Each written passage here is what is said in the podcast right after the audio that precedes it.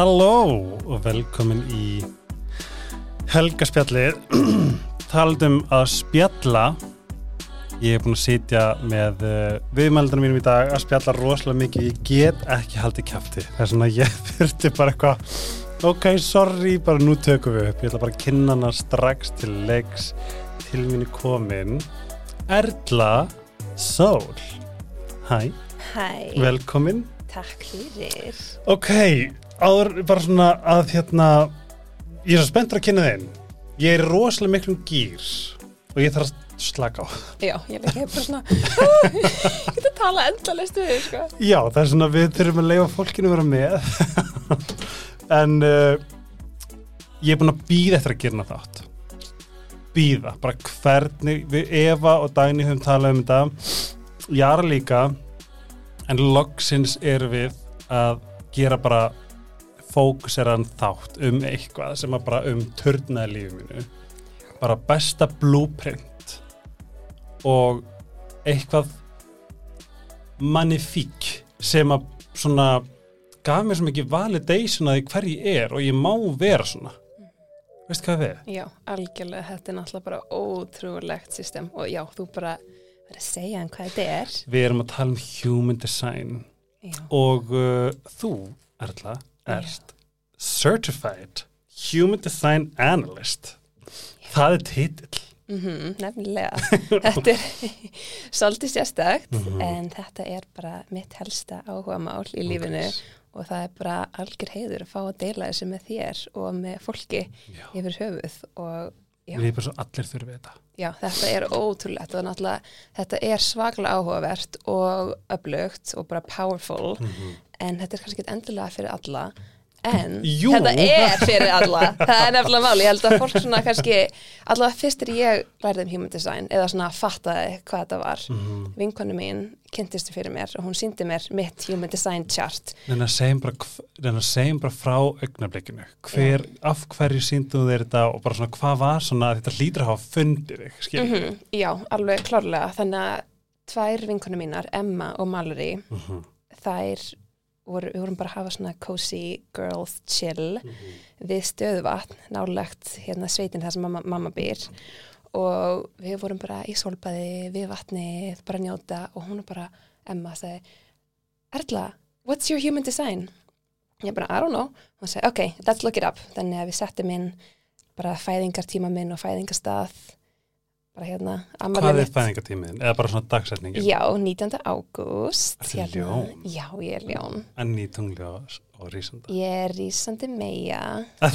Já, það er kannski útskýra af hverju ég er svo mikið áhuga á þessu líka. Þetta er mjög svona perfection og detail og alls konar bara svona, bara ógeðslega hérna Flókið. vandvirkar og geggjaðar en Já. það er búið að vera svolítið þema í þættinum að ég, þú veist, týpur vasperi búamaður, já, gæti ekki verið minna, minni meia, mm þrái að eiga meiu í mér einhver staðar, það er ekki svona meia í tjartinu mínu, sko. er? En nei, það er svona, ég er búin að vera svona, ég elska meiur, en svona, I love to hate them. Ekki Já. hate them, I, I, I love to, skiluru, pota. Ég er svolítið þannig með vaspira.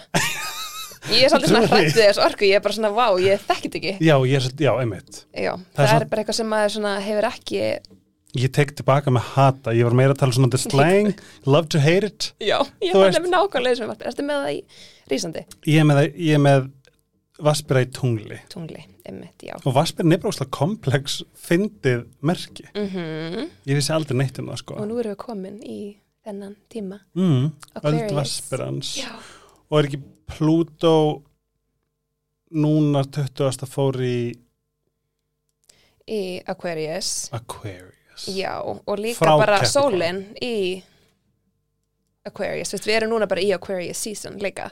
Þannig að við erum bara komin í þetta tímabil. Og- Þannig það er klárlega einhver svona, já, Og vaspera Eitthvað sem ég mun öldin læra, líka. já. Gungar, það er bara Já, það er öll að fara að koma. kerfi uh, spilling já, þetta er bara, við erum fara að sjá í gegnum þetta allt saman já, alveg virkilega. og það er hellað Já, þetta er ótrúlega tími. Já. Ég finn svo mikið fyrir þessu og það er bara svo, það er allir í lífinu mínu að segja að þetta bara, hvað er í gangi? Þú veist, Mhm. þetta ár hefur byrjað bara, þú veist, Mhm. allt í einu eru bara komin hingað og það er bara að gerast ótrúlega margt. núna bara hvað build a bunker, underground bunker Þú veist, það er bara, þetta er bara það sem mikið rapsjun í gangi. já, exactly Það er, og já, við kannski komum með disclaimerinu bara strax, þú ólst upp í bandaríkanum mm og mér hefur svo magnað þegar þú sagðir í sveit í Massachusetts já, og ég get ekki for the life of me svona ímynda mér það. já, það er ótrúlega fallegt en það er bara algjör skóur Já, og húsið sem ég ólst upp í og það sem að mamma og stjúpapp minn og sýsti það sem þau eiga heima mm. maður bara sér ekkert annað hús maður er bara í vá. skóginum Og er það aldrei skeri? Mm, jú, alveg svolítið. Það eru svona coyote úlfar ekki beint úlfar en þeir eru svona úlfarlegir En er þú ekki svona, ekki trættu á að því að þú veist, ég, ég er með svona toxic trait sem að ég er sannfæður um að hvaða vilda dýr mun finna í sig góð manneski og ég elska dýr uh, til þess að lega mér að klappa því. já, ég er náttúrulega ekki að klappa ígotni með neitt svoleiðis en sumir alveg fara þangað. Já, það er rosalega mikið dátýrum aðna oh my god. já, og snákar, heyrðu, ég er samt ótrúlega hrættu snáka. Ég hérna, get það ekki, það er það erfiðasta við að vera þar svolítið mikið. Er, nú verði ég að spyrja að því ég er ókslega ignorant gæi, að því ég sko, ég elska svona true crime. Mm og Amerika er náttúrulega bara the, the goat in Yep. crime. Hefur, þú veist, hefur að vera eitthvað svona, þú veist er eitthvað svona, hefur upplifað þér eða eitthvað svona, hefur eitthvað svona amirist dramatist að gerst í lífið Um, já, alveg definitely og ég finn það? ótrúlega mikinn mun á bara örygginu mínu hérna á Íslandi. Vá, Þú veist, ég er ekkert eitthvað að fara í eini göngutúr án símanum, þú veist, að fara já, bara út að labba, bara ég ein án þess að vera smá svona horfa yfir allirnar bara, ok, Einmitt. hvað er í gangi hér og ef ég sé einhvern ókunnan mann eða einhvern svona I don't know, ef maður sér eitthvað svona maður finnur bara í innsæðinu sínu að eitthvað getur verið óörugt já, það gerist miklu oftar þar heldur en hér og ég svona finn það alveg mjög stert að, þú veist Amerika sem þú og ég sá nokkra myndir veist, þetta lúka bara eins og sért í einhverju ítalski sveit eða eitthvað svona, eða bara einhverjum í Austuríki eða eitthvað dásamlegt. En Amerika er helð þetta er náttúrulega, þú veist þessi sveit sem mamma býr, það er ótrúlega fallegt. Jú. Bara beautiful skóur og stöðuvötn og göngustígar og ströndin nálagt og aðeins þetta en svo keirir maður kortir í burt Mhm. og það er bara eitt af fátökustu bænum í Það- bandaríkunum er bara þarna rétt hjá. Þannig að þetta er rosalega blandað af öllu. Þetta er Einmitt. ekki bara eitthvað svona ah, bandaríkin svona, þú veist. Mhm. the reality is Já, við að, really crazy. Með þess ætlum við að segja að þú, þú, þegar, þú ert í rauninni ennskumælandi human design analysti sem er mjög skiljanlegt af því að þetta er náttúrulega bara um, þetta er bara allt á ennsku og það er alls konar orð sem að bara þóðum til leiti orðabókinni sko já, nefnilega undefined, hvað því það? Já, þetta, þetta system er mjög nýtt. Þetta var uppgötað, en maður má segja það, 1987. Það var maður sem að fjekk þessa hugmynd eða í rauninni komið þetta til hans og hann var ennskumælandi og það er ekkert búið að finna einhverja sérstaka góða leið til þess að þýða þetta yfir á annað tungumál. Þetta Mhm. er bara svolítið svona, já, ennst system. Fyrirbæri, já. Já, og líka bara orðin, þau eru mjög sérstök og mjög öflug Mhm. í sjálfur sér. Einmitt. Að því er um orðið svo manifest Já, það er, þú veist, þetta, þetta heitir bara manifest manifest. skil þú veist hvað því er Og projector, þú veist, hvernig, það er svona orkutýpa, já, hvað maður að segja? Ef þú, ef þú þyrtir og þú mátt bara go crazy á ennsku Já, ef að, herðu, áðurinn við byrjum, þátturinn er bóði Ice Herbs, Netto, Sítocare og Sleepy. Uh, Love you, takk fyrir að hérna, hjálpa mér að halda þessu podcasti gal, opni og fallegu. En Sítocare, ef þið er ekki búin að prófa þá er uh, helgarspjallskóðin helgarspjallið. Og ég mæli með að fylgjast vel með Sítocare að því að það er að koma svo mikið að nýjungum og það er svo spennandi og það er svo flott. Jésús, ég líka plúst það ég hvað er hérna. Og svo kemur Netto. Ef þið er ekki bara að ná í appið þá er, við kallum alltaf Netto app en þegar þið opnið App Store þá er þetta rauninni samkaup appið sem er hatturinn við alla búðirnar tilbúað alls konar skemmtilegt og fallegt. Og svo getur þið sapnað ég er búin að sapna svo mikið pening eftir að ég fekk þetta app að það er dásamlegt er verið að íhuga að kaupa ykkur dínu farið nýr í vest á Dalvegi sem eru hérna Sleepy uh, royalið og prófið hana.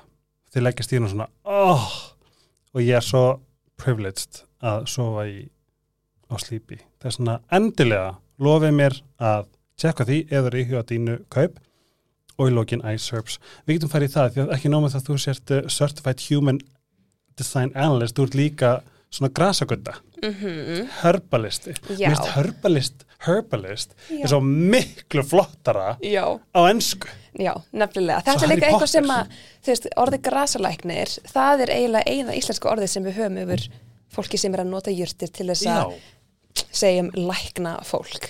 En í rauninni þá er hægt að nota jurtir á alls konar, veist, ways. já, og bara jurtir eru svo mannbætandi, þetta er svo bætandi mér veist, mér finnst eh, svona að ég veit ekki, þetta er svona mér finnst jurtir vera svona svona eins og að hérna um, skilur lita þig Já, þetta er svo mikið hjartenging líka. Já, Þú veist, ég sé það alltaf sem rosalega nærandi og styrkjandi leið til þess að tengjast við jörðina, sérstaklega við veturinn, Mhm. þegar við erum ekkert að sjá neitt grænt Einmitt. eða snerta mosa eða finna líkt af ferskum blómum eins mikið, þú veist, að drekka jurtate eða jurtaseiði eða taka tinktúru eða eitthvað svoleiðis, þá erum við að fá sólina beint í æð, í gegnum það. sem er svo fallegt. Í morgun, ég, klá, ég klára þess að 12 tíma uh, föst, nei, 24 tíma föstin í gær og í morgun tók ég húðháruneglur sem eru þess að þaratöflur. Andoksun sem voru íslensk krækiber og rauðröfuduft og stert túrmerik með fjallagröðsum og svörstum pipar og enda mér rauðröfur dældi mér rauðröfur Þetta eru frábæra vörur, ég alveg að tala, ég er bara, mér langar að taka allt, allt. I know, bara thank you Ice Herbs, we love you. Já. þið getið bara gripið ykkur dós í netto. Um, sorry, ég veist í alveg ég er svo með, þetta er uppáhaldstætni mín það sem ég, mér bara að sé fara að læra. Ég er bara, I'm ready. En uh, mitt fyrsta svona, mín fyrsta spurning sem er stór spurning og bara þú veist áfram þú með svarið og svona ég, þú veist, ég get ekki að því að human design er þegar maður er búin að upplifa þá er þetta hugljómun og þú ert bara einhvern veginn ástfangin, þú ert bara eitthvað svona þú, bara svona, þú ert bara einhvern veginn þú, mér finnst, mér, ég upplifið mig ljóma. Hvernig myndið þú á góður ensku útskýra fyrir einhverjum sem eru aldrei heyrt þetta hvað þetta er og hvað þetta snýst um? Já. take it away, sugar. Okay, so human design is a evolutionary system for understanding who you really are and who you came to the earth to be and what your greatest potential in life is. So based on the information in the atmosphere in the moment you were born and in the moment that your soul incarnated into your body, there was specific information in the atmosphere that defines your energetic body, which is your aura. And, you know, some people don't think about their aura at all, some people think about it all the time. But this is basically the energy that you give off that people feel when they talk to you, when they're in the same space as you. And it affects not only the people that you're talking to and who you're with, but also your ecosystem, the environment that you inhabit, society at large, and how you share your energy with the world. So your aura is in contact with everything that you encounter. And human design gives you a very, very specific way to understand your own unique aura. And mm-hmm. everybody has their own beautiful, unique energy fields, their mm-hmm. own beautiful vibe. It's all about vibes. If, every, if everybody's ever thinking about vibes, this is what we're talking about. Já, So, you know, maybe you've met a person who has just such beautiful energy. You feel so uplifted after you've been around them. You just feel, oh, wow, I feel amazing after talking to this person. This is just so nourishing. And that person has a really strong aura and they're aware of their gifts, they're aware of what makes them unique. And maybe on a very subconscious level, they're, you know, interacting with their energetic blueprint just by living out their gifts, right? But if you meet somebody who has really weird vibes and you're just like, oh, I wish I'd never met this person. I mm-hmm. can't believe they talk to me like that. Or just their maybe they didn't even say anything. Maybe you just felt like this kind of like sickly energy coming from them. Mhm. And that's because they've been actively living against their natural energetic blueprint. Vá, Já. einmitt Það er svo tókslega magnað að geta farið til human design analyst Yeah. sem að getur bara að lesa þú veist, þau eru bara að lesa af tjartinu hmm og þannig getur einhvern veginn kynst þér þetta er svo magnað, þú getur kynst þér frá því og málið sko, þú verður að segja mig frá segja okkur frá það sem að gæinn sem gerði gerði til þegar hann sagði don't believe me Já, emmitt, ok, þannig að ef maður hefur aldrei heyrt um þetta áður og hefur ekkit, þú veist, spáð í þessu, maður er kannski bara eitthvað svona, hm, hvað er þetta? Eins og þegar ég fyrst heyrði um þetta, Mhm. þá síndi vinkona mín mér mitt sjart og ég var bara svona, þetta er ógslaflókið, ég skildi ekki, það er einhverju skipnir litir hérna og línur og orkubreytir og orkustöðar og bla bla bla, ég var bara, þetta er allt og mikið Mhm. og hvernig er þetta eitthvað alvöru, ég veit ekkert. Þó svo ég hef áhuga á stjórninspeiki, Mhm. og þetta er eitthvað sem er mjög stert í mér að elska stjórninspeiki alltaf að vera að spá í bara orkuflæði og öllu þessu orkubreytar og orkustöðar en samt ég fann bara ha, veist, er þetta eitthvað sem er alvöru? Einmitt, og fyrst þegar ég sá þetta það held að það verið 2016 mér fannst þetta verið líka svo ljótt. Ég er svo mikil svona beauty lover já, og rísandi megin bara, já, this is not very aesthetic. Það þarf að vera aesthetic og það vera mjög fallegt þannig ég sé eitthvað húgt á því. Og á þessum tíma þá var allt í kringum human design eitthvað svo ljótt og ég var bara ekki að tengja við þetta. Já, en það eru núna svona nýjir kennarar að koma í ljós sem að er að gera þetta rosalega fallegt. Mhm. eins og til dæmis Maika, ein, eina mínu kennurum og Jenna Zoe sem er með The My Human Design app. Já, og það er svo fallegt. Ógeðslega fallegt. Já, og þetta gerir þetta miklu meira svona juicy. Við En já, að það sem að, ég ætla að segja Já. það sem hann sagði. Já, Já, hérna maðurinn sem að við segjum svona uppgötaði þetta Mhm. system, hann var mjög humble og vildi alls ekki vera eitthvað svona gúru eða neitt svoleiðis og hann var með svo mjög áhugjur á hvernig fólk myndi taka þessu bara, er þetta alveg virkar þetta bla bla bla? Og hann sagði alltaf bara, þegar fólk var að spyrja hann, hann sagði bara don't believe me. Do not trust me. Just try it for yourself. Oh af því hann er bara, ég veit ekki neitt þið bara verðið að pröfa þetta. Maðurinn í sverða, hann var á einhverjum amazing mushroom sem að bara gaf honum ég sverða, kannski, ég bara veit ekki eins og hann gaf bara um það. teng, tenging og bara einhverja sjöndu vít eitthvað. Já, og bara þar var bara einhver beigð hans einhver, einhver svona crazy engill sem var Mhm. bara takt þetta nýr á jörðina. Nefnilega, they fucking need it. Já, nefnilega. Og þe- þetta er sem sagt blanda af stjörnuspeki Mhm. Kabbalah sem er the mystical side of Judaism sem er rosalega fallegt system, það er bara most beautiful, það er bara mitt næsta pathway, ég segi þetta aftur, Kabbalah. Kabbalah. The Kabbalistic Tree of Life. Ég mæli með að tjekka eins af því. Og svo er líka The I Ching sem er the ancient Chinese divination text of the, all the different states of consciousness in the human body. Ooh. so the ancient Chinese mystics they understood that there were about 64 different realms of consciousness that we all have access to that we hit energetically at certain points during the astrological cycle. And that's what informs all of the gifts and the gates. So all the little lines that you see in the chart, those are from the 64 hexagrams of the I Ching. And that is What? these different states of consciousness that really inform our gifts and who we are. And the planetary transits, Mhm, where the planets were stationed mhm. in our galaxy Já. um, when you were born, Mhm. Their energetic imprint affects these different states of consciousness and lights them up in your aura to create the essence of who you are. And the way that these energy pathways connect Mhm. will inherently create definition in your chart. So when you look at your chart and you see the things that are colored in, Mhm. the energy centers and the lines, Mhm. that is what connects these energetic pathways and energy centers to create the essence of who you are. So this is the part where you are strongest in life. Yeah. So if it wasn't for the planets, we wouldn't Yeah. have any definition. We would just be completely open. Þetta er some smart stuff Já, Ég nefnilega. er ég... But I'm too much of a Gemini for that sko. Þetta er ótrúlega, náttúrulega til þess að skilja þetta. Já, sérstaklega þegar ég var í þessu námi til að læra þetta. Það er, er þetta, er talað um svona Já, það, það, við tölum bara um þetta alveg sérstaklega. Holy og ég shit. þurfti bara virkilega að taka tíma til þess að huglega og bara downloada þessu. Já, einmitt, ég, það var það sem ég var að hugsa. Ég var að hugsa sko, ég er ekki móttækilega núna ég fann það, þó ég sé ógislega áhuga samur þetta er eitthvað sem ég þyrti bara að loka augunum. Já, ég tók svona sex mánuði til þess að bara kafa djúft í þetta og taka Mhm. þetta nám.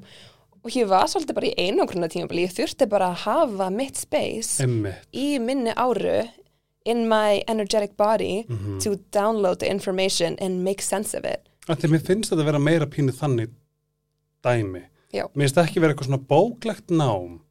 Það er eins og að sé eitthvað svona eitthvað sem þú þarft svona að taka þú ert svona pressað inn. Maður þarf að lifa þetta. Já, lifa þetta. Og þegar ég ákvað að fara þessa leið og gera þetta bara sem mitt professional pathway, bara Mhm. human design þetta er bara I'm all in, Mhm, professionally personally, allt það. Mhm. ég þurfti að taka tilraun með sjálf mig Mm. og bara lifa allt sem að ég er Shit. þannig að ég er generator með emotional authority 3-5 profile Mhm. um, þetta er svona mitt specific design og náttúrulega margar svona, já, gates of consciousness líka Má ég stoppa í smástund já, áður en við byrjum að því ég held að sé sniðugt að við núna leifum hlustendum að vera með og fara inn á bara íta á pásu núna.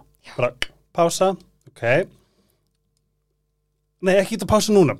Nei ekki veitu. Hlusta á mig og svo á pásu. Þess vegna opnið síman ykkar gerum þetta allt saman og þú ferði safari. Svo gerir þau tvöfald af, tvöfald af, tvöfald af. My human design punktur com og þegar þú ert komin þangað en þá sérðu Jenna Zoe mm og þá ferði discover your chart. Og okkur ég verð amerískur líka því ég tala við amerikana. You sound so good. Thank you. og þá setur inn nafn, mánuð, dag á, þú veist, og hvenær, svona, eða þú veist ekki nákvæmlega hvenær þú ert fætt eða fættur eða fætt, þá ringja í mamma og pappa, ef að það er ekki mamma og pappi, þá bara uh, tala við, veit eitthvað svona skrá? um, það er líka bara ekkert mál að heyra í landspítal Landsbílum, já, einmitt. já, og það skrá. kemur auðvitað flóð til þeirra um Já. spurningar á næstunni Já, bara afsakið, ég er að tjekka human design minn. já, ég þarf kannski að láta það vita, heyrðu þér að fá flóða spurningum Já, um hérna, fæðingatíma en þau verða bara að uh, gera það. Já. Ha. þið verðið að finna út úr því og það er líka ekkert mál mamma gerði þetta, þetta tók kannski hérna tvo daga hún fekk e-mail bara nokkur dögum eftir já, en það þarf að vera alveg nákvæmlega rétta mínútu. mínútan af því að tvíburar, þeir eru oft ekki með sama Ég er, design tí, ég, sko, ég er 1043 já. og ég gerði eitthvað 1040 og það var eitthvað allt annað. já, nefnilega, það þarf alveg nákvæmlega mínútan þannig að ef að mamma segir já um hálf þrjú nei, það er ekki nóg Not legit. mm Og svo gerir bara hvar og svo gerir view your chart. Það er svona, já, haltu áfram, þú varst að tala um þitt, já, um Já, núna að með þetta mig. pásu og gera það, af því að núna er hún að fara að tala um sitt chart og svo fyrir við kannski yfir tegundirnar. Mhm. Ú, ég er enda að býða Definitely. eftir að hitta reflektor. já, ég þekki hittir nokkrar? Að eina bestu, bestu vingur mínum er Er reflektur, hún er ekkert skrítin?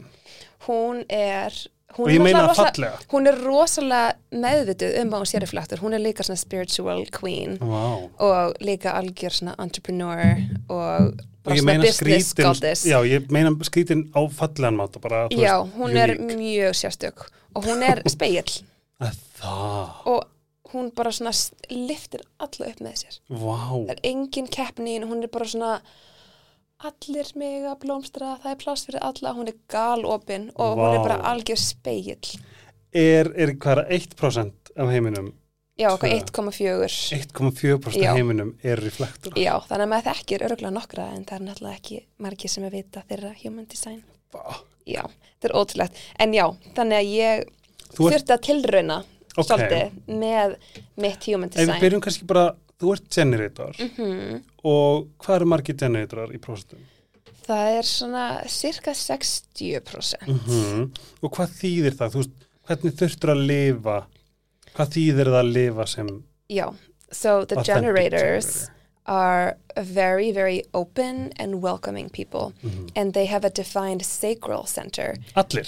Every generator has a defined sacral Ooh. center, which means that you are constantly receiving life force energy from the universe directly into your sacral center, which makes you very, very driven to create and to share and to take action and to move through the world mm-hmm. based on the energy that you are given mm. to then express out into the world. And you have consistent energy levels when you're doing what you love. Ah. So if a generator is feeling tired all the time and they're like, I don't I don't feel like I have energy to consistently do anything. Mm-hmm. That's probably because you're doing things that you don't really love doing. Mm-hmm. And of course there's things that we don't love doing. Like I don't love you know driving in traffic and I don't love having to take out the trash and all these things. Mm-hmm. But you need to kind of offset those things that you don't like doing by doing more things that you really enjoy doing. Mm-hmm. So it's really important for generators to find what it is that they feel lit up by. So what do, like when you're doing something, does it feel like it's nourishing you and Yeah. oh my god, I just feel amazing. I have all this energy. Or is it feeling like oh, you have so much resistance to doing it? Like for me, playing golf, I'm like, no, I'm not gonna play golf. But if somebody says, oh, you want to go to Pilates? Yes, definitely. That's my sacral center saying that's how I should be using my energy. Og sacral er mægin. Já, þetta er orkustöð frá þess, the Ayurvedic chakra system. Það er líka eitt hluti af þessu kerfi og the sacral er, já, bara sköpun, creativity, desire, creation. Þannig að það er ros rosalega sniðut að þetta er að búa til eitthvað eða gera eitthvað mikið í heiminum og ert með miklu orku til þess að geta gert það. Ef ég segi svona minn, mitt svona understanding, svona minn skilningur á, á hérna generator er þú veist að þeir sjá til þess, ég sé þetta fyrir mig sem svona eitthvað svona æ, þú veist, í Star Wars þá er þetta svo pláneta nefnir þetta er raunverulega eitthvað svona um, bara eitthvað svona huge machine dæmi, eitthvað Já. svona svaka og generatornir generatornir sjá til þess að þetta er að vinna eins og það á að gera Nefnilega, og orkan fer til generator og þau geisla því út frá sér. mm. So the generator is receiving all of this energy from the universe to mm. put it out into the world and to share it with others.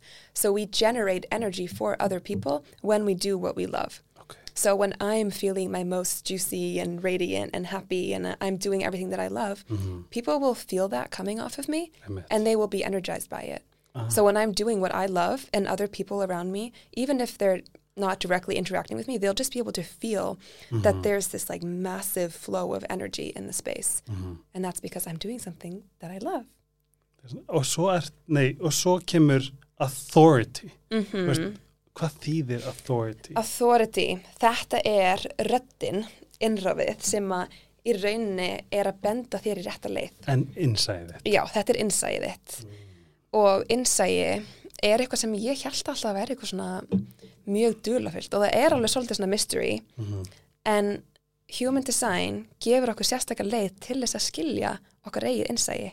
Ó. So, ég ætla aðeins að fara á ennskuðu núna. Um, so sometimes you'll hear the phrase like, you have a gut feeling, or oh, just sleep on it, or oh, listen to your instinct, or talk it out, or th- think about the pros and the cons. These are all different types of authority. So the go with your gut, that's for people with sacral authority, where their gut is going to have a strong yes or no reaction. With people that have a splenic authority from the spleen center, this is all about survival and instinct. You will get a really sudden instinct, like an intuitive hit. Mm-hmm. Don't go down that road. Mm-hmm. Don't drive to work today. Stay home. Or, yes, talk to that person. Or, don't eat that. You'll get a very strong voice that's just like, right now, do Wow. this, do that. And it's not necessarily a yes or a no, like the sacral reaction. It's more of a very specific message. Or some And you're just doing command. it. And you're just doing it. Yeah, there's no thought involved. You're just, all of a sudden, I'm just packing an extra sandwich. And then, oh, the car breaks down. And wow, I have all the food I need, you know? Just these strange Wow. little Hvað things sagði- that hvað will var það? happen. Splenic. Splín, ég var til og með svoleiðis Já, maðurinn minn er þannig og hann er svo, he's so splenic, við erum alltaf að grínast, já. Hvað er splín á íslensku? Lifur? Milta. Milta mm svo og mildaður þetta tengist líka ónæmiskerfinu og svoðakerfinu, þannig að ef maður er alltaf að fara á móti þessi splínik Mm. instinkt, þá er maður ofta rosalega lasin og þrútin og bara óksla slappur þannig að þú ert alltaf að fara á móti þessi splínik instinkt það er, getur bara verið virkilega hættulegt fyrir þig og, svo, og hvað svo er, og svo er emotional authority og ég er þannig ok, og þetta er 40% af fólki þannig að Ok. þetta er alveg frekar algengt Já. en mjög erfitt eins og mér var alltaf sagt að Mhm. ég veri alltaf viðkvæm ah, bara svona, oh, Erla Sól, come on bara, má ekkert já, eitthvað. má ekkert bara, ég var alltaf eitthvað svona viðkvæm típa Mhm. og það var eiginlega eitthvað sem að leiti mig inn í þennan holistic healing heima því að ég var bara svona, vá, ég er með ókslega stert innsægi, ég er mjög næm en ég er samt ótrúlega viðkvæm, ég er alltaf að, ég tárast mjög fljótt, ég róðna mjög fljótt ég er bara alltaf bara svona uh, skilur, Já. út um allt og þetta er the emotional authority og þetta þýðir að innsæði mitt kemur í gegnum tilfinningarna mínar Ó. þannig að ef að mér líður eitthvað skringilega þú veist, if my emotions are super low or super high, Mhm. there's a message in that erum við ekki að tala um Emotional.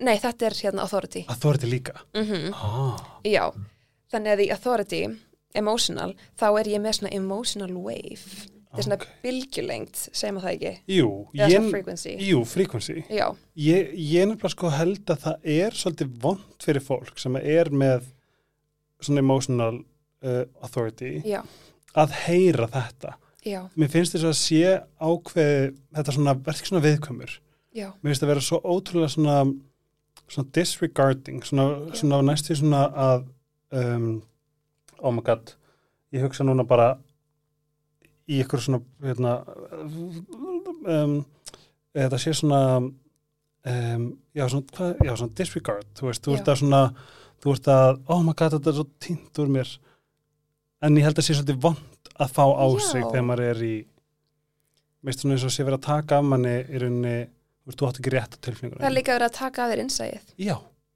Það er þá verið að segja, þú veist, leiðin sem að þú tengi við sjálfa þig, leiðin sem að þú prósistur að lífið, ah. það er bara ekki rétt og það er eitthvað að þér og þú ert bara veik. já og, Og svona kannski verið að innræta einhverja skömm Mm þú mátt ekki vera svona Já, alveg Hættu að- virkilega. og þetta er óslega alvarlegt Já, þetta hefur verið svakalega erfitt og mamma mín er líka svona emotional Mhm. og þetta er svo áhugavert að sjá þú veist, þegar maður er búin að lifa lífið sitt sem emotional authority Já.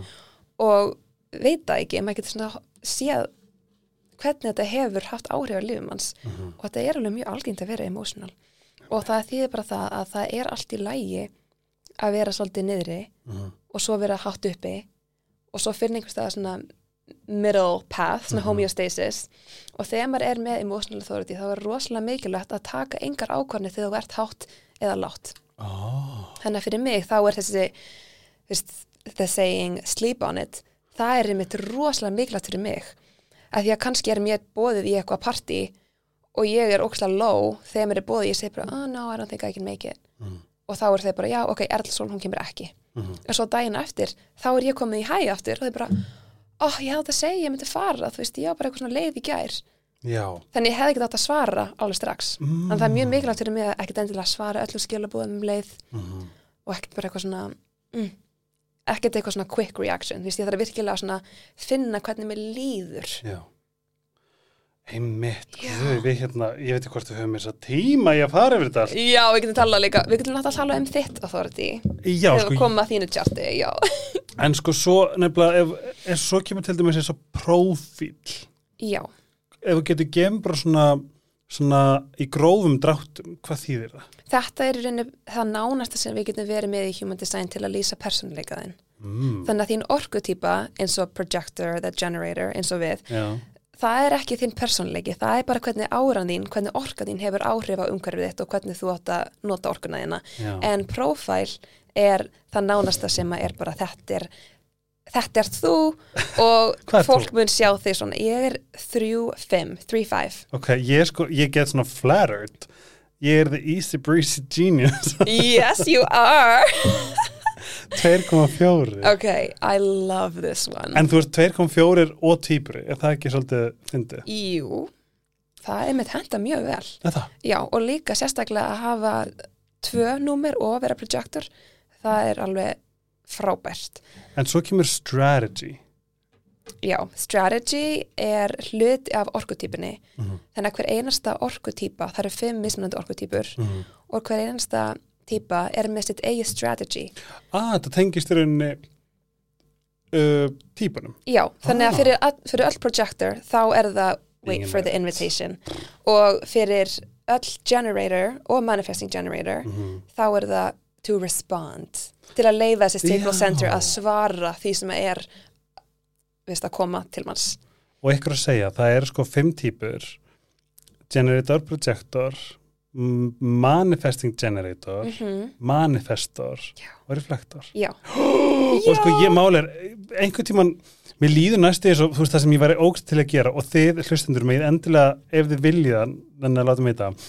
Það væri svo gaman að gera eitthvað þar sem að þið sendið inn einhverja spurningar í kringum veist, stjörnusbeki með jöru eða human design með erlu og við værim að svara, þú veist, já það væri svo gaman að því ég, mér langar svo að taka hlustendum með. Við getum gert svona live reading fyrir Já. einhverja spurningar Já, Það væri ógesla gaman. En svo, sérstaklega með prófælið, þetta er bara amazing, já svo kemur your sign.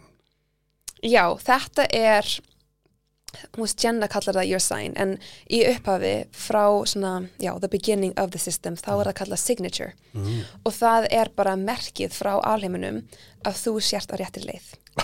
Já, þannig að fyrir þig er það success. Þannig að þegar þú finnir guð. en samt, þú veist, success. Er það success sem að fólk býst við Mm. eða það sem að þú kalla success Mm, þannig að það er mjög punktur. mikilvægt fyrir projektur að lýsa fyrir sjálf sér hvað er success fyrir þig Á ég segja hvað er, ég veit það. Já. Það er að líða vel. Já.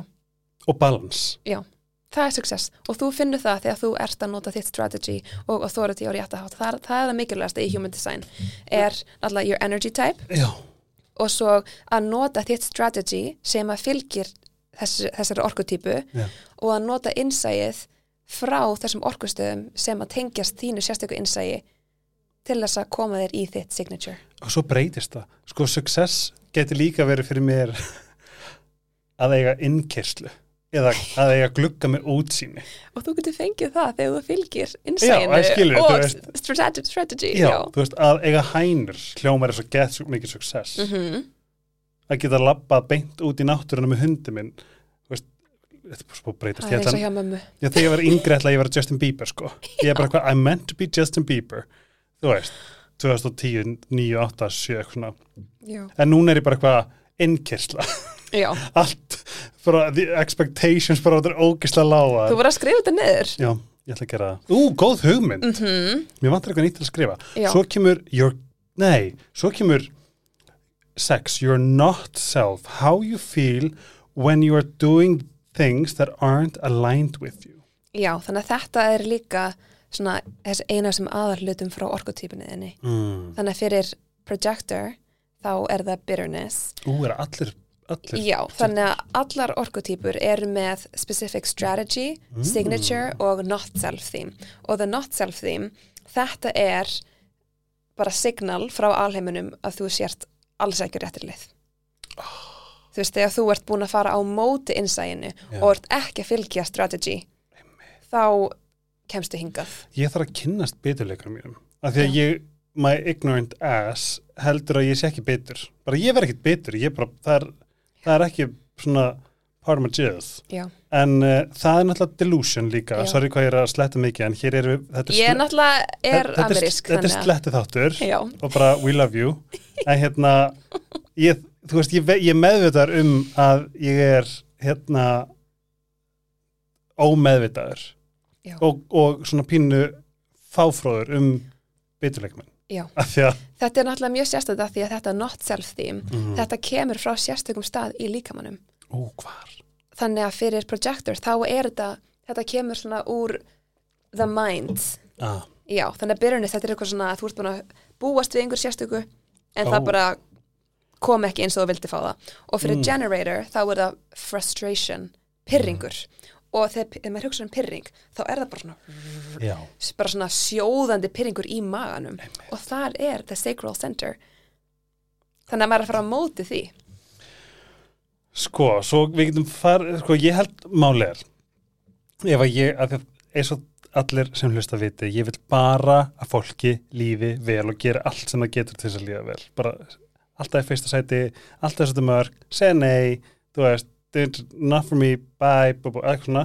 Það er svona, veist, þetta er svo spennandi að sko mér líður svo svona, ef að þið eru eitthvað intrigued núna, þá bara erla niðurstrykk, tvö Ég niðurstrykk, held að sé þrjú, þrjú niðurstrykk sól, þú veist, bóka lestur. Mm Já, ég er opinn fyrir Human Design Reading. Já. Mm þetta er, þegar svo kemur eins og þú veist, ég er gift, svo kemur hvernig þú manifestar, ég er ógæslega ána með mitt og en ég var að spá, ef að þú til dæmis opnar þitt Já, eða mitt, þú maður ráða og bara svona gerir svona quick reading, bara svona til þess að svona, já, kíkjum á þitt, af því ég er búin að tala svolítið mikið um mitt. ertu Já, með það, viltu fá mitt? Ég er með því hérna, ég setti það inn, það inn hjá mér.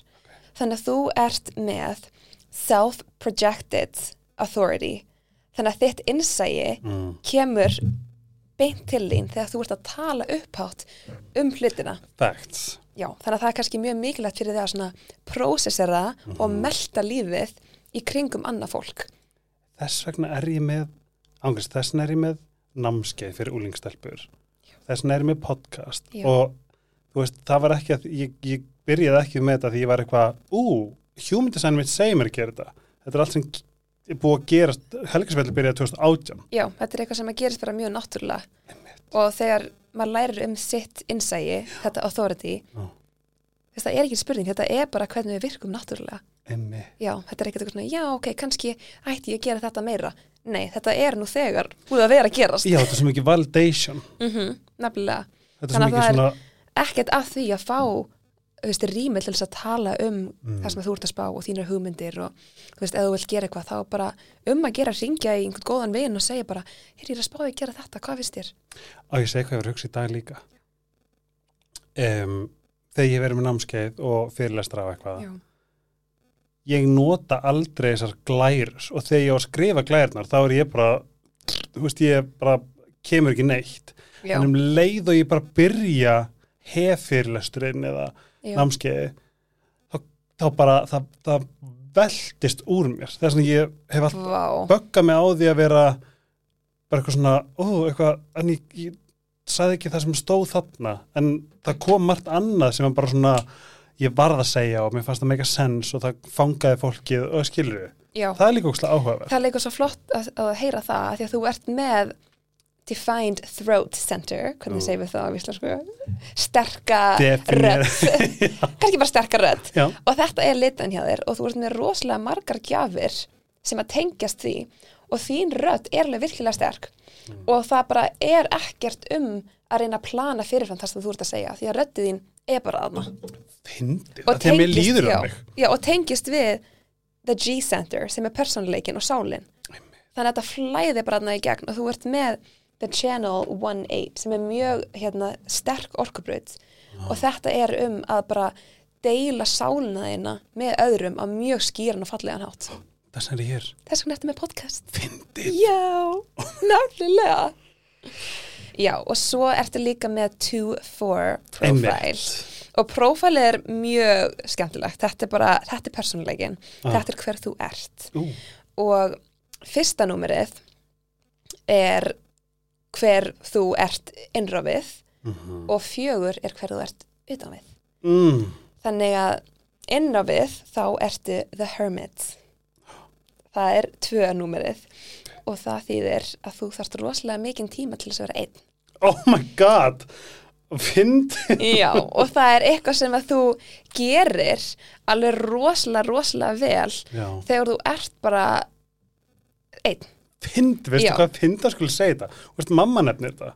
Hún var bara eitthvað, bara þú veist alltaf vindislegur, bara alltaf bara dulli-dulli, eitthvað svona, en svo bara var ég bara inn í herbyggi Já. að gera úrklippubækur og að teikna og Vá. lita og ég var bara, þú veist, ég var bara svona algjör lón, eða ég, ég þá einhvern ég, þú ert að segja þetta, þá held ég væri bara svona einhver lónir, bara, Nei, en ég þarf sko, ég læsum oft inn á baði, þú þarft hennan tíma. ógislega mikið, Og sko, þetta er líka svo magna að sjá hvað maður var að gera sem bann.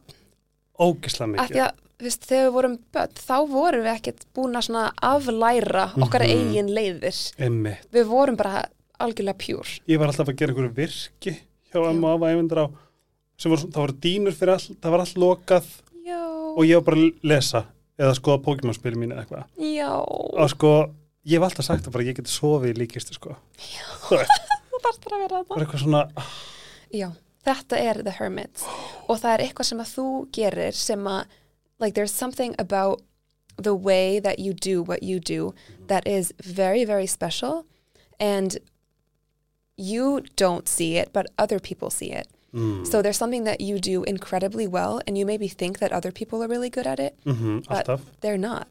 It's Finn- your gift. ég var oft spáðið þessu Yeah. So you actually really need to have alone time mm-hmm. so that you can refine what it is that you're good at and get into kind of like a flow, almost in a trance state where you're just mm-hmm. doing what you love, nobody's bothering you, you're just on your own doing your thing, and you'll become more magnetic when you spend more time doing that. But of course, you need to let other people know in mm-hmm. advance that you need that alone time so that you can be left in peace to do what you're so good at doing on your own. And then the four is the more social side of you. And this is what people will see you as. So even though you feel like more of a hermit, people will see you as a social butterfly. þegar ég segi að segist vera introvert fólk er bara glemdu því Ok, þetta er svo þú! þetta er, já, það er bara þú, bara, þú af öllum ert ekki já. introvert Þegar ég sá að það varst 2-4, ég var bara auðvitað. Já, sem analyst, þá sé ég tjart og er bara, já, auðvitað. Vá. Maður er bara að sjá manneskina. En svo er komið næsta sem er being invited og bara þið er nótið sem eru projektorar. Núna megið hækka. Því að sko, mamma, ég, ég tók mömmu í þetta daginn og hún er projektor líka. Vá, Já, og hún er sko- ok. Hún er sko, hún er algjör ráða gyðja. Hún er með ráði öllu. Hún er bara, þetta er bara hún, hún er bara kennari. Já, það er projektor. Hún svo, hún, en hún er svo humble kennari. Já. Það er svona þegar ég var að segja henni, hún þú veist, hún, var alveg intrigued. Já, alveg klárlega. Náttúrulega projektor er rosalega góða kennarar Mm en það, það er rosalega mikilvægt fyrir ykkur sem projektor að vera ekki að kenna þeim sem er ekki tilbúin að heyra það sem þú ert að reyna að kenna Og veistu hvað það er krefjandi? Það er bara svona, þú veist, allir sem mím skilur upp bara eitthvað þegar, þegar allt er að brenna Já. og þú veist að þú varst með ráðið Já. til þess að þurft ekki að brenna það er bara, maður, þetta er sama þegar maður er að sig við pólitíka eða eitthvað skilur, maður er bara eitthvað skilur, þetta getur verið þú veist, að vera, sorry, að vera projektor, það er frustrating Já, ég trúi því og en það er samt, þú veist, allar orkutýpur eru með sitt eigið challenge Já. eins og fyrir mig þá er það bara, þú veist, af hverju er ég svona þreytt? Ég á að vera með stöðu og orku Já. ok, hvað er það sem ég er að gera sem er ekki að virka? Heyrðu, já, það er örgulega það að ég er búin að vera að pína með að fara í ræktina klokkan átta á mótnana þegar það er ekki málið, þú veist, ég Mhm. veit alveg að ég á frekar að tegja mig á mótnana, bara aðeins að veikja líka mann og svo fer ég í ræktina eða hotjóka eða eitthvað svona setnipartin Mhm.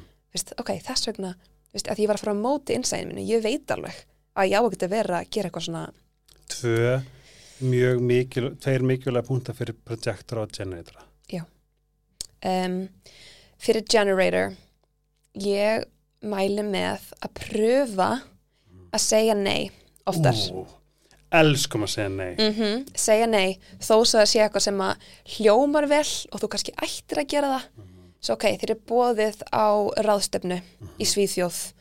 Rosalega gott tækifæri fyrir þig, fyrir fyrirtækið þitt bara allt mögulegt. En það er eitthvað í þér sem er bara svona mér langar ekki. Já, bara mér langar ekki að fara ég verð bara leið þegar ég hugsa um þetta sem ég er með emotional authority og ég finn svona þá bara prófa bara að segja nei og þá um leið og að segja nei og fylgir þínu innsægi þá kemur kannski eitthvað ennþá betra kannski er þá freka búið að fara til París Mhm. í einhverja ennþá betri ráðstöfnu Mhm. eða kannski er búið í brúðkaup þessa sömu helgi hjá vinkunniðinni og það hefur aldrei getað átt að missa því það kemur eitthvað annað í staðinn og svo fyrir projektor rosalega mikilvægt er að vera í rétta umhverfi. Mm. þannig að þetta náttúrulega snýst um að býða eftir bóði wait for the invitation. Tell me about it. Það er ekkert að íta veist, það er ekkert að íta fólki til að gera neitt fyrir því að hlusta á því að bla bla bla, þau þurfa að vera tilbúin að heyra Mhm. það sem að þú vilt kenna þeim og segja þeim og svona, já sína það er þeim. svo skrítið. Eða það er svo skrítið því að þú veist ég hef verið að, þú veist bara eitthvað að pitcha þessu, eða væri þetta ekki sniðut og væri þetta ekki sniðut og þú veist, þegar maður fær bara svona pff, þú veist, fær ekki responsið, þú veist, já, þá er ég bara svona en, en þetta er góð hugmynd. Já, af hverju ekki, já, en það er að því að ég þvinga þetta upp á eitthvað um og það bara, þú veist, núna er, núna, þú veist, núna skil ég þetta. They Nú have er- to have created space within their aura Amen. to receive your insight. Já. Að því að projectors, þetta er bara innovation. There's, there's something that you see so clearly. Mhm. Sérstaklega, þetta tengir svo við the two, the hermit. Mhm. There's something that you see so clearly that you think other people, they just get it too. já, But this is something that you're born with. Yeah. So if you're in the right environment and you're in the right relationships where people actually see you, then they're going to want you to be part of their project. They're going to want you to be part of their team. They're going to invite you to share what you want to share. Já, þetta er, veistu ef þú, ef þú myndir segja við mig bara, já, þannig gæði sem gerir þetta 1987, ég væri bara hvað er verið að taka þátt í þessu? Þú veist. Það er svona, þegar, bara þegar þú sagðir þetta með að hann sagði ekki treysta mér ekki, hérna hlusta það sem ég er að segja prófa þetta, mm það gaf mér bara þetta validation, bara hvað nákvæmlega já. Þetta var uppaflega kallað The Human Design Experiment. mm. Þetta er tilraun. Þetta er til að prófa. Þetta er ekki til að reyna að skilja eða intellectualize. Þetta er bara pröfa þetta, máta þetta, Mm. séðu hvað gerist. Þannig að þegar ég byrjaði virkilega að pröfa þetta, það var í fyrra, Mhm. ég var á mjög erfiðum stað í lífinu. Ég var í vinnu sem að var alls ekki fyrir mig. Mhm. Ég var starfandi sem græsleiknir á stað sem að bara hendaði mér ekki og ég var rosalega orkulaus. Ég var mjög veik, mjög oft, bara hver einastu viku var ég bara að fara heim snemma á vinnu, leiðóksla illa Mhm. og þetta var mitt splín að segja mér bara, þú ert ekki örugirna, komdu þér heim, komdu þér burt. Ég var ekkert veik eða lasin, það var bara líka með minn að segja, þú verður að koma þér út af þessu aðstöðu. þetta er svona hinn Já, af hverju ég- heldur það sem veik það er Já. að því að you're not in the right place já, and you're not safe here and it's not aligned for you. Þannig að ég Vá. byrjaði að hlusta á þetta og ég var bara, heyrðu, ég ætla bara að hætta í vinninni. Það, ég hef ekkert planað en ég ætla bara að máta þetta, sjá hvort þetta virki, þetta human design dæmi Já. og þetta virkar. sko það sem ég finnst vera erfitt með um, erfitt og ekki erfitt þú veist þessum í janúar, ég ákvað að sofa í janúar Já. ég ætla bara að sofa, ég, bara, ég leiði mér aldrei að sofa og ef ég legg mig þá finnst mér, þá er einhver röddi mér sem segir mér að ég sé aumingi og þú veist, Já. hitt fólk þarf ekki að fara að sofa bla bla bla bla, bla eitthvað svona hérna en sefni fyrir mér er bara svona algjört bara svona wow, mér finnst það bara svona, bara svona endurfættur Já. og janúar er búin að svo geggjaður að sofa Þetta er svo mikið projector dæmi að líka. því er að leifa mér það Já, þú þarft að leifa það. Maðurinn minn, hann er eins, hann er projector og hann hatar að leggja sig. Já. Hann bara, a nap, that's crazy, I can't believe people would ever take a nap. Mhm. How do you wake up feeling, hann, hann er svo að móti því. Einmitt. En hann þarf svo á því halda. Dúllan, bara, hann verður að kvíla sig. Þetta er svo magna Það svona þetta En, en getum við farið í hérna gróflega, því að sko ég man eftir að ég, ég er náttúrulega svo fyndin nei, ó, okkur er að svona segja þetta uh, ég er ekki, þú veist, það sem ég er að meina með þessu er að ég hérna kem inn í tengda fjölskyldum mína einhver túta sem er bara eitthvað hvað stjörn með gert og segið mér frá og, og er bara svona genuinely áhuga samur hérna svona ég lit alla í fjölskyldbóði, jólabóði ekki í sérst fyrra. Um, ég lit alla gera sem voru hann inni. Um, sérst sískinni Péturs og börnin þeirra og mam mamman og, og, og sýstirinn og svona alls konar. Já. og það var enginn þarna inni generator Hæ? Oh my god. ég, mér minnir allt eða sko mest það verið manifestor og gen, mangen, manifest Vá. generator mér fannst það magnað Áhugavert, já, mér finnst þið með þess að manifesting generator, það sé svona miklu meira af þeim. Já, og líka projector, finnst ég er ekkert eitthvað alveg convinced að generator séu, Ég held að, Mesti ég held hlutinn. nefnilega að hafi fæðst inn rosalega margir projektor til þess að höndla þessu öll. já, nefnilega. Þau komu í fyrsta sinn 1781 þá, já, þá byrjuðu projektor að vera til Hættu. já, Af því að þeir þurftu bara generatora, það var bara, þú þurftu bara að lifa af já, og byggja. já og svo þurftu við náttúrulega projektor til þess að komast inn í nýju öldina og það sem að maðurinn sem að uppgötaði þetta system Mhm.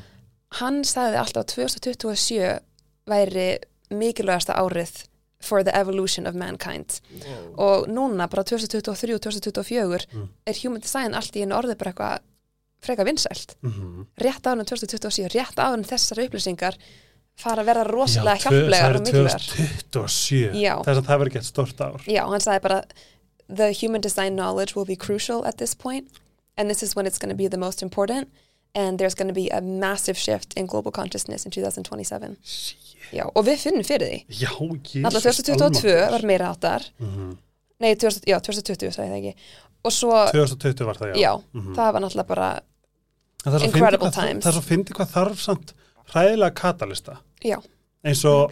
COVID já, og svo núna vita allir að COVID var bara stjórnun, skilur frelsisviftun og eitthvað svona já, og bara allir, bara allir sem að sögðu að fólki sem að, ég man að það var einn í podcastinu hérna sem að talaði, um að, talaði gegn um, COVID hérna, reglunum og allt það. Og hann bara kallar snákasölumæður fólk bara styrlast, fólk skammaði mig fyrir að vera, hafa gert hennar þátt. Vá. og núna í dag er bara eitthvað eh, þú veist, En kannski var það svolítið eitthvað að fara í þetta. Veist, Þetta er svo skrítið núna, nú Já. erum við með allt annað perspektíf. Semleiðis bara ofbildis fólk fólk er bara að fara að sjá í gegnum þau. Mm fólk er að fara að vita, nei takk ekki fyrir mig. Já, og projektorarnir þau er með sjá í gegnum allt svona. They see through things. They Núna. see directly into the soul. Já. þannig að við þurfum á okkur að halda. Þetta er svolítið magnað og en ennur að segja okkur frá bara einmitt í svona gróndrættu núna, núna veitum við hvað generator er og við veitum hvað projektor er en svo er einhver hérna úti núna. Hi, see, I see you, I love you sem er bara að horfa síman er bara hvað ég er manifestor eða ég er manifesting generator. Eða please, ef þú ert reflektor sendi mér það á Instagram og vita. ertu líka Já, ég þarf að fá fleiri refl- reflektor í lífið mitt. Já, We need you. ángríns, sendi okkur á Instagram bara screenshot af hérna tjartuninu, ég Já. bylast þannig að gefa okkur smá svona innblik inn í hvað það er að vera manifesting generator, Já. manifestor og reflektor. Já, þannig að manifesting generator þetta er mjög svipað og generator mm en þið, þau eru þá með defined throat center eins og projector ah, Já, eða reyndir eru projektor ekkert alltaf með defined throat center en það er mjög algengt. Mm en manifesting generator þau eru líka með þessa stöðuga lífsorku til þess að vera rosalega skapandi Mhm. í heiminum Mhm. og að nota röddina til þess að koma því í gang ah, Já. Þannig að, so for the manifesting generator, it's really important to respond to the external opportunities and the things in your orbit, and then to use your defined throat to share it with the world. And mm-hmm. it's really, really awesome as a manifesting generator to go for the things that you want and to just really just take it into action, but then to tell the people around you what you're doing so that they can get on board with your mm. movement and support you. And with the manifesting generator, it's very, very common that you have lived like 10 different lives before the age of 30. wow. It's like, okay, you had maybe you've already been married twice and you're 30. This is like very manifesting generator. Or you jump from career to career, or you have like 10 different hobbies and you're trying to figure out how how am I going to connect them all? It will all make sense in the end. So, svona smá Gemini vibes já, fá Já. bilan áhuga á einhverju kaupa allt, ég ætla að fara að Já. hekla já, og svo gera það ekki bara mánuðið setna er þetta bara, æ, já, og það er líka bara allt í lagi. Já. Það er svo mikið skömm í kringum það að þú veist, klára ekki hlutina og bara vera ekkit consistent. En fyrir manifesting generator, þá er þið bara að pröfa og máta og sjá hvað svona, hvað þið tengið mest við. Ég hef alltaf verið með svona hérna, hugmyndum mann, svona mannjans að, veist, að riðja þessi gang, Já, kickstarta þessu og þeir eru með þetta kapasitet til þess að gera það já, bæði svona hugmynda og framkvæmdar. -hmm. Ég og líka að gera það. Já, að gera það sjálfjafvel Já. að meðan manifestor, næsta típan ok. þau eru svona kickstarta movement. um það. Já, það er líka frekar sjálfka, það er svona 7-9% af fólki. Wow. og þetta voru kongarnir í gamla daga, bara svona the conquerors. Með rosalega mikla orku þegar þeir fá einhverja hugmynd. En svo klárast orkan frekar fljótt. Mm þannig þurfa að hafa fólk í kringu sér til þess að styðja það sem þeir eru að gera. Mm. þannig að þeir fá svona rosalega sterka hugmynd um eitthvað sem þeir vilja gera og koma út í heiminn en þeir geta ekki gert það einn, þeir þurfa að hafa rétta fólk í kringu sig. Ok. Þannig að the strategy for the manifestor is to inform til að nota röddina til þess að kynna þig og hvað þú ert að gera og hvað er næst og hvert þú ert að fara. Þannig rétt að fólki getur hoppa með þér og hjálpa þér að koma þig í gang og klára það fyrir þig í rauninni. Mjög gott svona business fólk. Já, það þarf manifestor til þess að koma þig í gang og generator eða manifesting generator til þess að hjálpa þér að klára það. Já, Og, hér líka- og við já. projektorni bara eitthvað Ég skal bara gefa þér ráð En þetta er svo mikilvægt, þú veist, ef maður hugsaði um human design, þetta er náttúrulega frábært fyrir bara fólk Mhm. allstaðar fyrir öllu, en hugsa hvað þetta er gott fyrir business. Þetta er það. Og fyrir entrepreneurs og creators and people in the creative field að not, að nota orkunin á rétta hátt. Þetta er náttúrulega bara ótrúlegt líka hvað þetta byggir mikið hérna, sjálfströst Einmitt og bara sjálfsöryggi.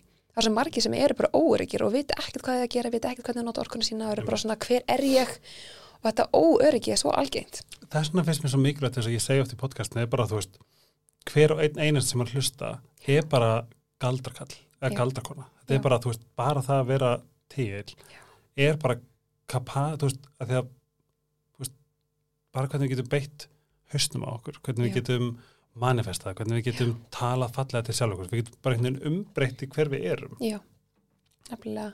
og reflektorar Reflektor, ok, þannig að ef þú sérð tjartið þitt, ef þú ert búin að opna það og þú sérð liti, Mhm. þá ertu ekki reflektor, að því að reflektor, þeir eru alveg opin. Það eru engar Nei, alveg sterkar orkustöðar. Já, þannig að þeir eru galopin og þeir spegla, like they reflect the mhm. environment and the people that they are around.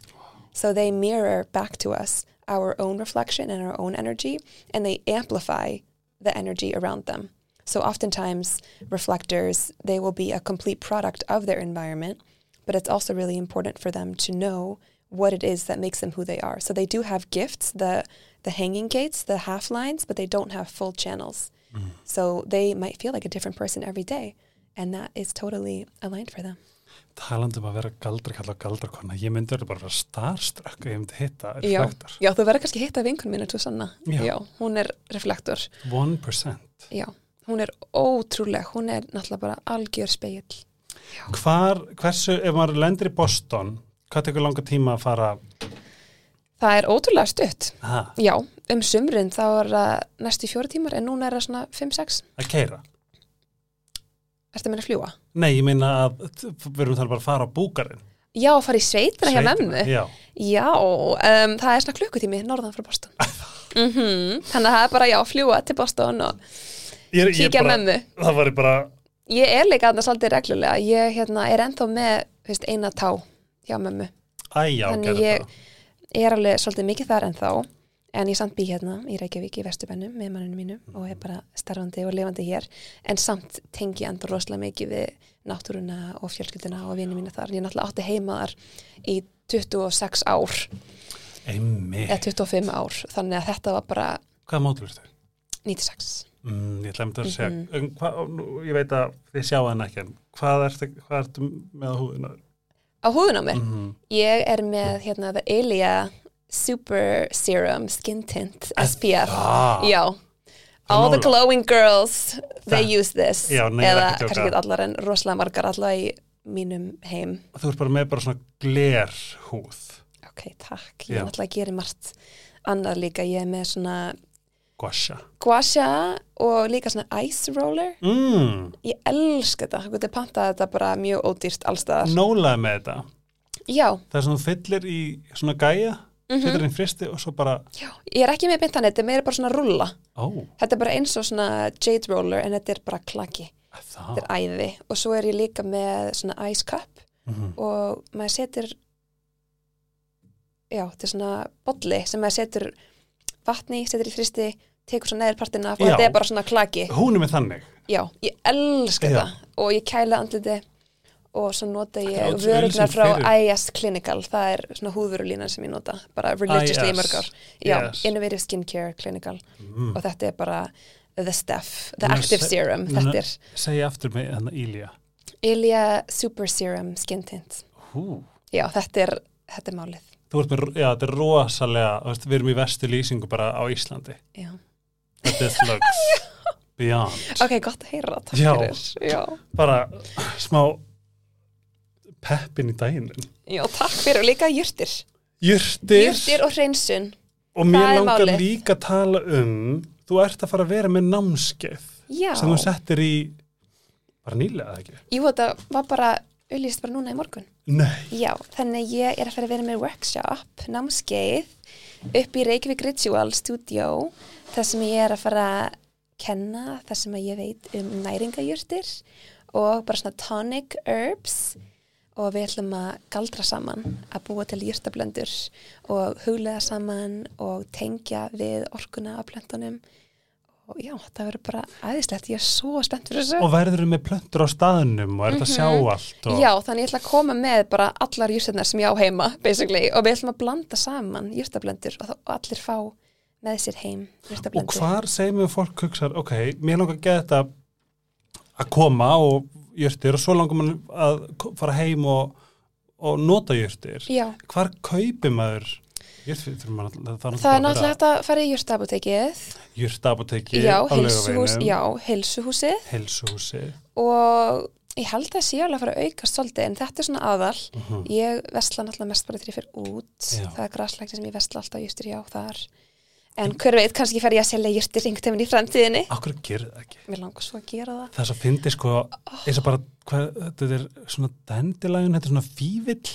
Já, Það er vist bara eitthvað súper dæmi. Já, sérstaklega allir að hreinsa líka bara fyrir húðina eins og ég tek það. Já. Það hreinsar lifrina og svo eða kerfið Ég sem að gefa það þetta fallega húð. Þú veist, fíblarnir sem að við sjáum alltaf Já. að það, þetta er sem að blows my mind, Já, að það er bara eitthvað ofur dæmi fyrir okkur. já. Náttúrulega hugsaði þú veist, ef það er að vaksa út um allt þessi blóm á mjög svona óhreinum stöðum Mm. meðfram gangstjarnir í bæ, Mm. veist, og bara á hraðbreytinni. Mm. Þau eru raunin að hreinsa jarðvegin Oh, og þau gera það okkur líka. wow. Það eru svo mikið, já, En nú verð ég að spyrja því þú ert herbalist. Og þeir sem er að fylgja mér á Instagram, þeir sáðu væntalega að ég og Pétur minn settum nýlega til sölu sveppadrópa. Hérna, Hvað, hvað, þú veist, ég, þú veist, þeir eru náttúrulega búin að breyta lífið minu. Já, Hvað finnst þér vera svona, þú veist, þess að nú erum við með Lions Mane, Sitake, Reisi og Chaka? já, ég verði að pröfa þetta hjá þess, by the way. Absolutt. Mhm. Og hérna, en hvað, hvað finnst þér um svona þessa svona nývaksandi sveppabildingu sem einhvern veginn bara, Mér finnst það bara ótrúlega sniðugt að nota þetta já, í staðin fyrir eitthvað annað. veist, e- það er náttúrulega, veist, these mushrooms are addressing very important concerns in our physical health. mm, And before we try and chase some synthetic thing, why not try the natural já, first? skilju. Já, Já. þannig að ég stiði þetta alla leið. Þetta er, frábært. ég nefnilega sko, fann bara, ég var á tímbili sem ég vaknaði, tók amfetamin pillur Já. sem var bara ADHD lifin Já. og svo þurfti ég sko svefli til að geta sofið Já. og ef ég, var, ef ég fekk hausverku við daginn, að ég fekk oft hauskarsu þá er ég að setja mig, þú veist, advil Já, skiljið, þess að ég var bara svona þetta er svona vítarhingur. Maður er bara enda að reyna að eldast við eitthvað. já, ég var bara alltaf náður svona pillupopper Já, bara á mótnana og hérna við daginn og kvöldin og hérna, þú veist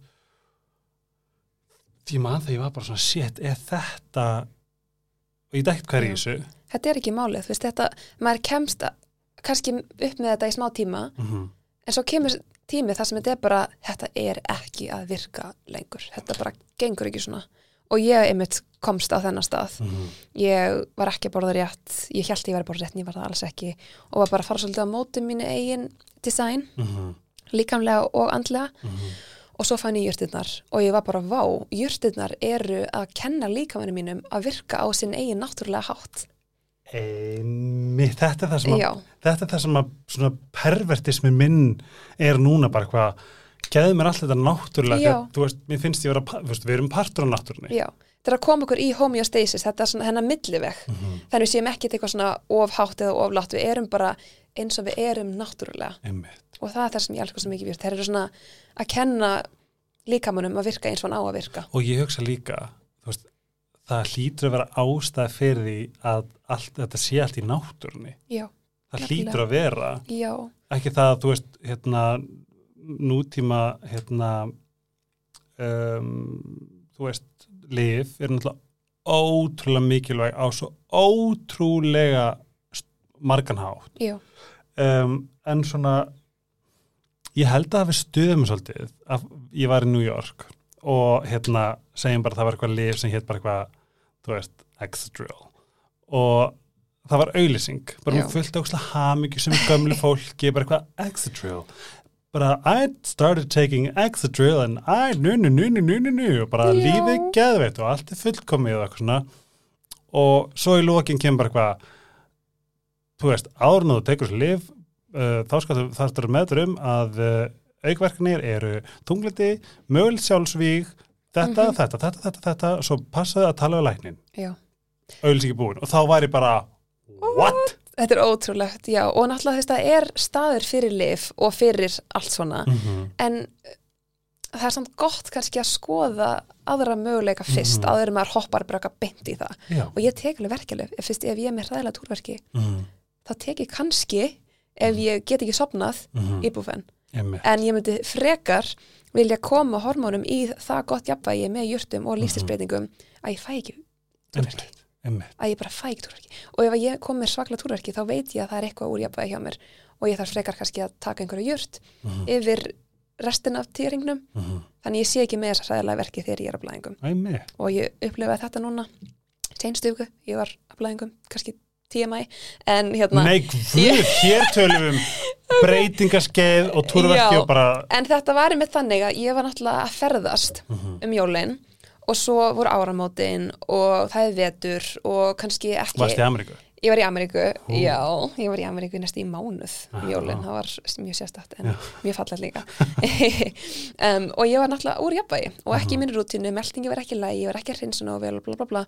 Og svo núna kom blæðingarnir og ég er bara í hræðilegu ójafvægi og ég glemdi að taka jústna mína með mér út. Mm. og ég bara, þú veist, mamma býr upp í sveit og ég komst ekki rétt í búðina til að kaupa þetta og, Lóður rétt í aðtilið já, þannig ég bara tók íbúfen um helgina ég var bara, vá, ég hef ekki gert það í marga mánuði að því ég er búin að koma mér í jafnvægi í gegnum jústir og lífstilbreytingar þannig all, alltaf mikilvægast að skoða Já, mér af hverju þetta ég, meir er í, já, veist ekki jafnvægi. Já, ég bara ég heiki við það sko. En það er að því að sko þú veist, eftir að ég átti að máði til dæmis með sveppina, þannig að ég, þú veist eins og Lions meini, að ég var bara actually með fókus og ég skildi ekki af hverju og svo fatt að ég ég tók Lions meini þegar ég vaknaði. Já. og tjaka, þetta er bara svona orkubúst.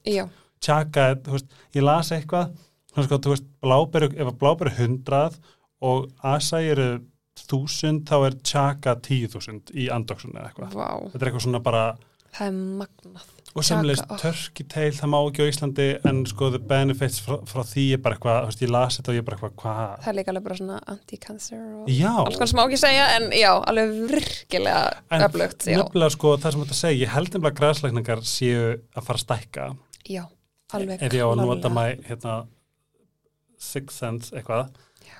að þetta sé að fara að blossu upp að því að við erum líka komið svo ógislega mikið ógið á, þú veist, corporate spillingu og að horfa til dæmis svona pharmaceutical dæmi í bandaríkunum er náttúrulega Mhm. shocking. Já þetta er ótrúlegt, stjúpað minn, hann er læknir í Mhm. public health management og hann er sjálfur bara eitthvað pharmaceutical companies are messed up, this Mhm. is insane. I can't believe I work, þess að hann er bara þetta verður að stoppa. Það er svona ég held að með þessari öldu aspirin sem er bara frá fucking breyta öllu 2007 2007, ég held að við séum að fara ég held að við séum að fara svona um, ég held að það sem að komi næst eru svona litlar communities. Já, bara að það er einhver á lóð og það er bara fullt af einhverjum litlum húsum og svo í miðjunni er bara eitthvað hænur og þetta er mín hæna og, og Allir með hund. gróðurhús og hundar og allir eru bara eitthvað svona lifandi ekki eins og einhverjir hippar heldur bara eitthvað svona í náttúrunni Já, nefnilega. Ég vil ekki teka svona hippa væp en samt svona jarðtengt Já, og heildrænt. Já, bara svona á eðlanmáta Já, nefnilega. Hafa þetta alltaf jafnvægi.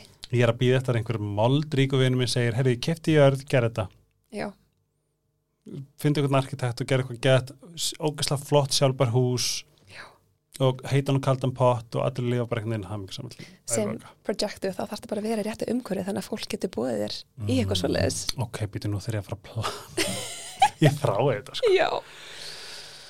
Erla Sól Takk fyrir mig Takk sem er leiðis. Þetta er eins og að djamma fyrir mig Já, ég líka, ég er bara, ég vildi ekki að þið sé brosin okkur núna, ég er bara fest í brosin, ég er bara, aah! Þetta er svo gaman og Uh, Erla þrjúbandstrygg Sól þú ert líka með fullt af info um það sem er að gera því stjörnunum human design Já. þú ert að tekja Jurtir, já. Jurtir já, ég er líka með blogg, erla.substack.com.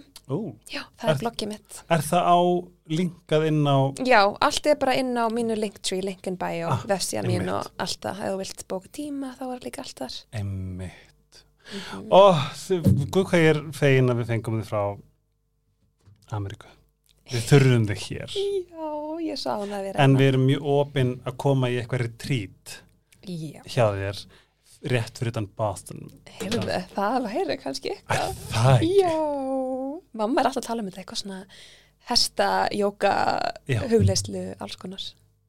Eða bara eitthvað allt annað. Þegar þú sagði þetta hugsaði ég, vá, af hverju er ekki svona hundatherapía? Þess að fólk situr á gólfinu og er bara að klappa hundum. Heyrðu, Freyja, hún er bara þerapi.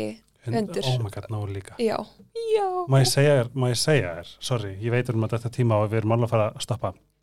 Ég var að lappa, ég er svo forriðan því að bý á laugaveginum. Það er svo mikið af asískum túristum Já. og þau eru, for lack of better words, bara fabulous. Já, Þau eru bara, þetta er bara, þau eru festklætt. ógeðslega vel klætt og bara, þú veist, alveg bara svona ég sá gæði einhverju buksum og ég fór á neti bara mér langar þessar buksur og eitthvað svona, þú veist, þau eru geggjuð. Og ég fekk svona um, hugur ekki til að spyrja hvaðan er þið?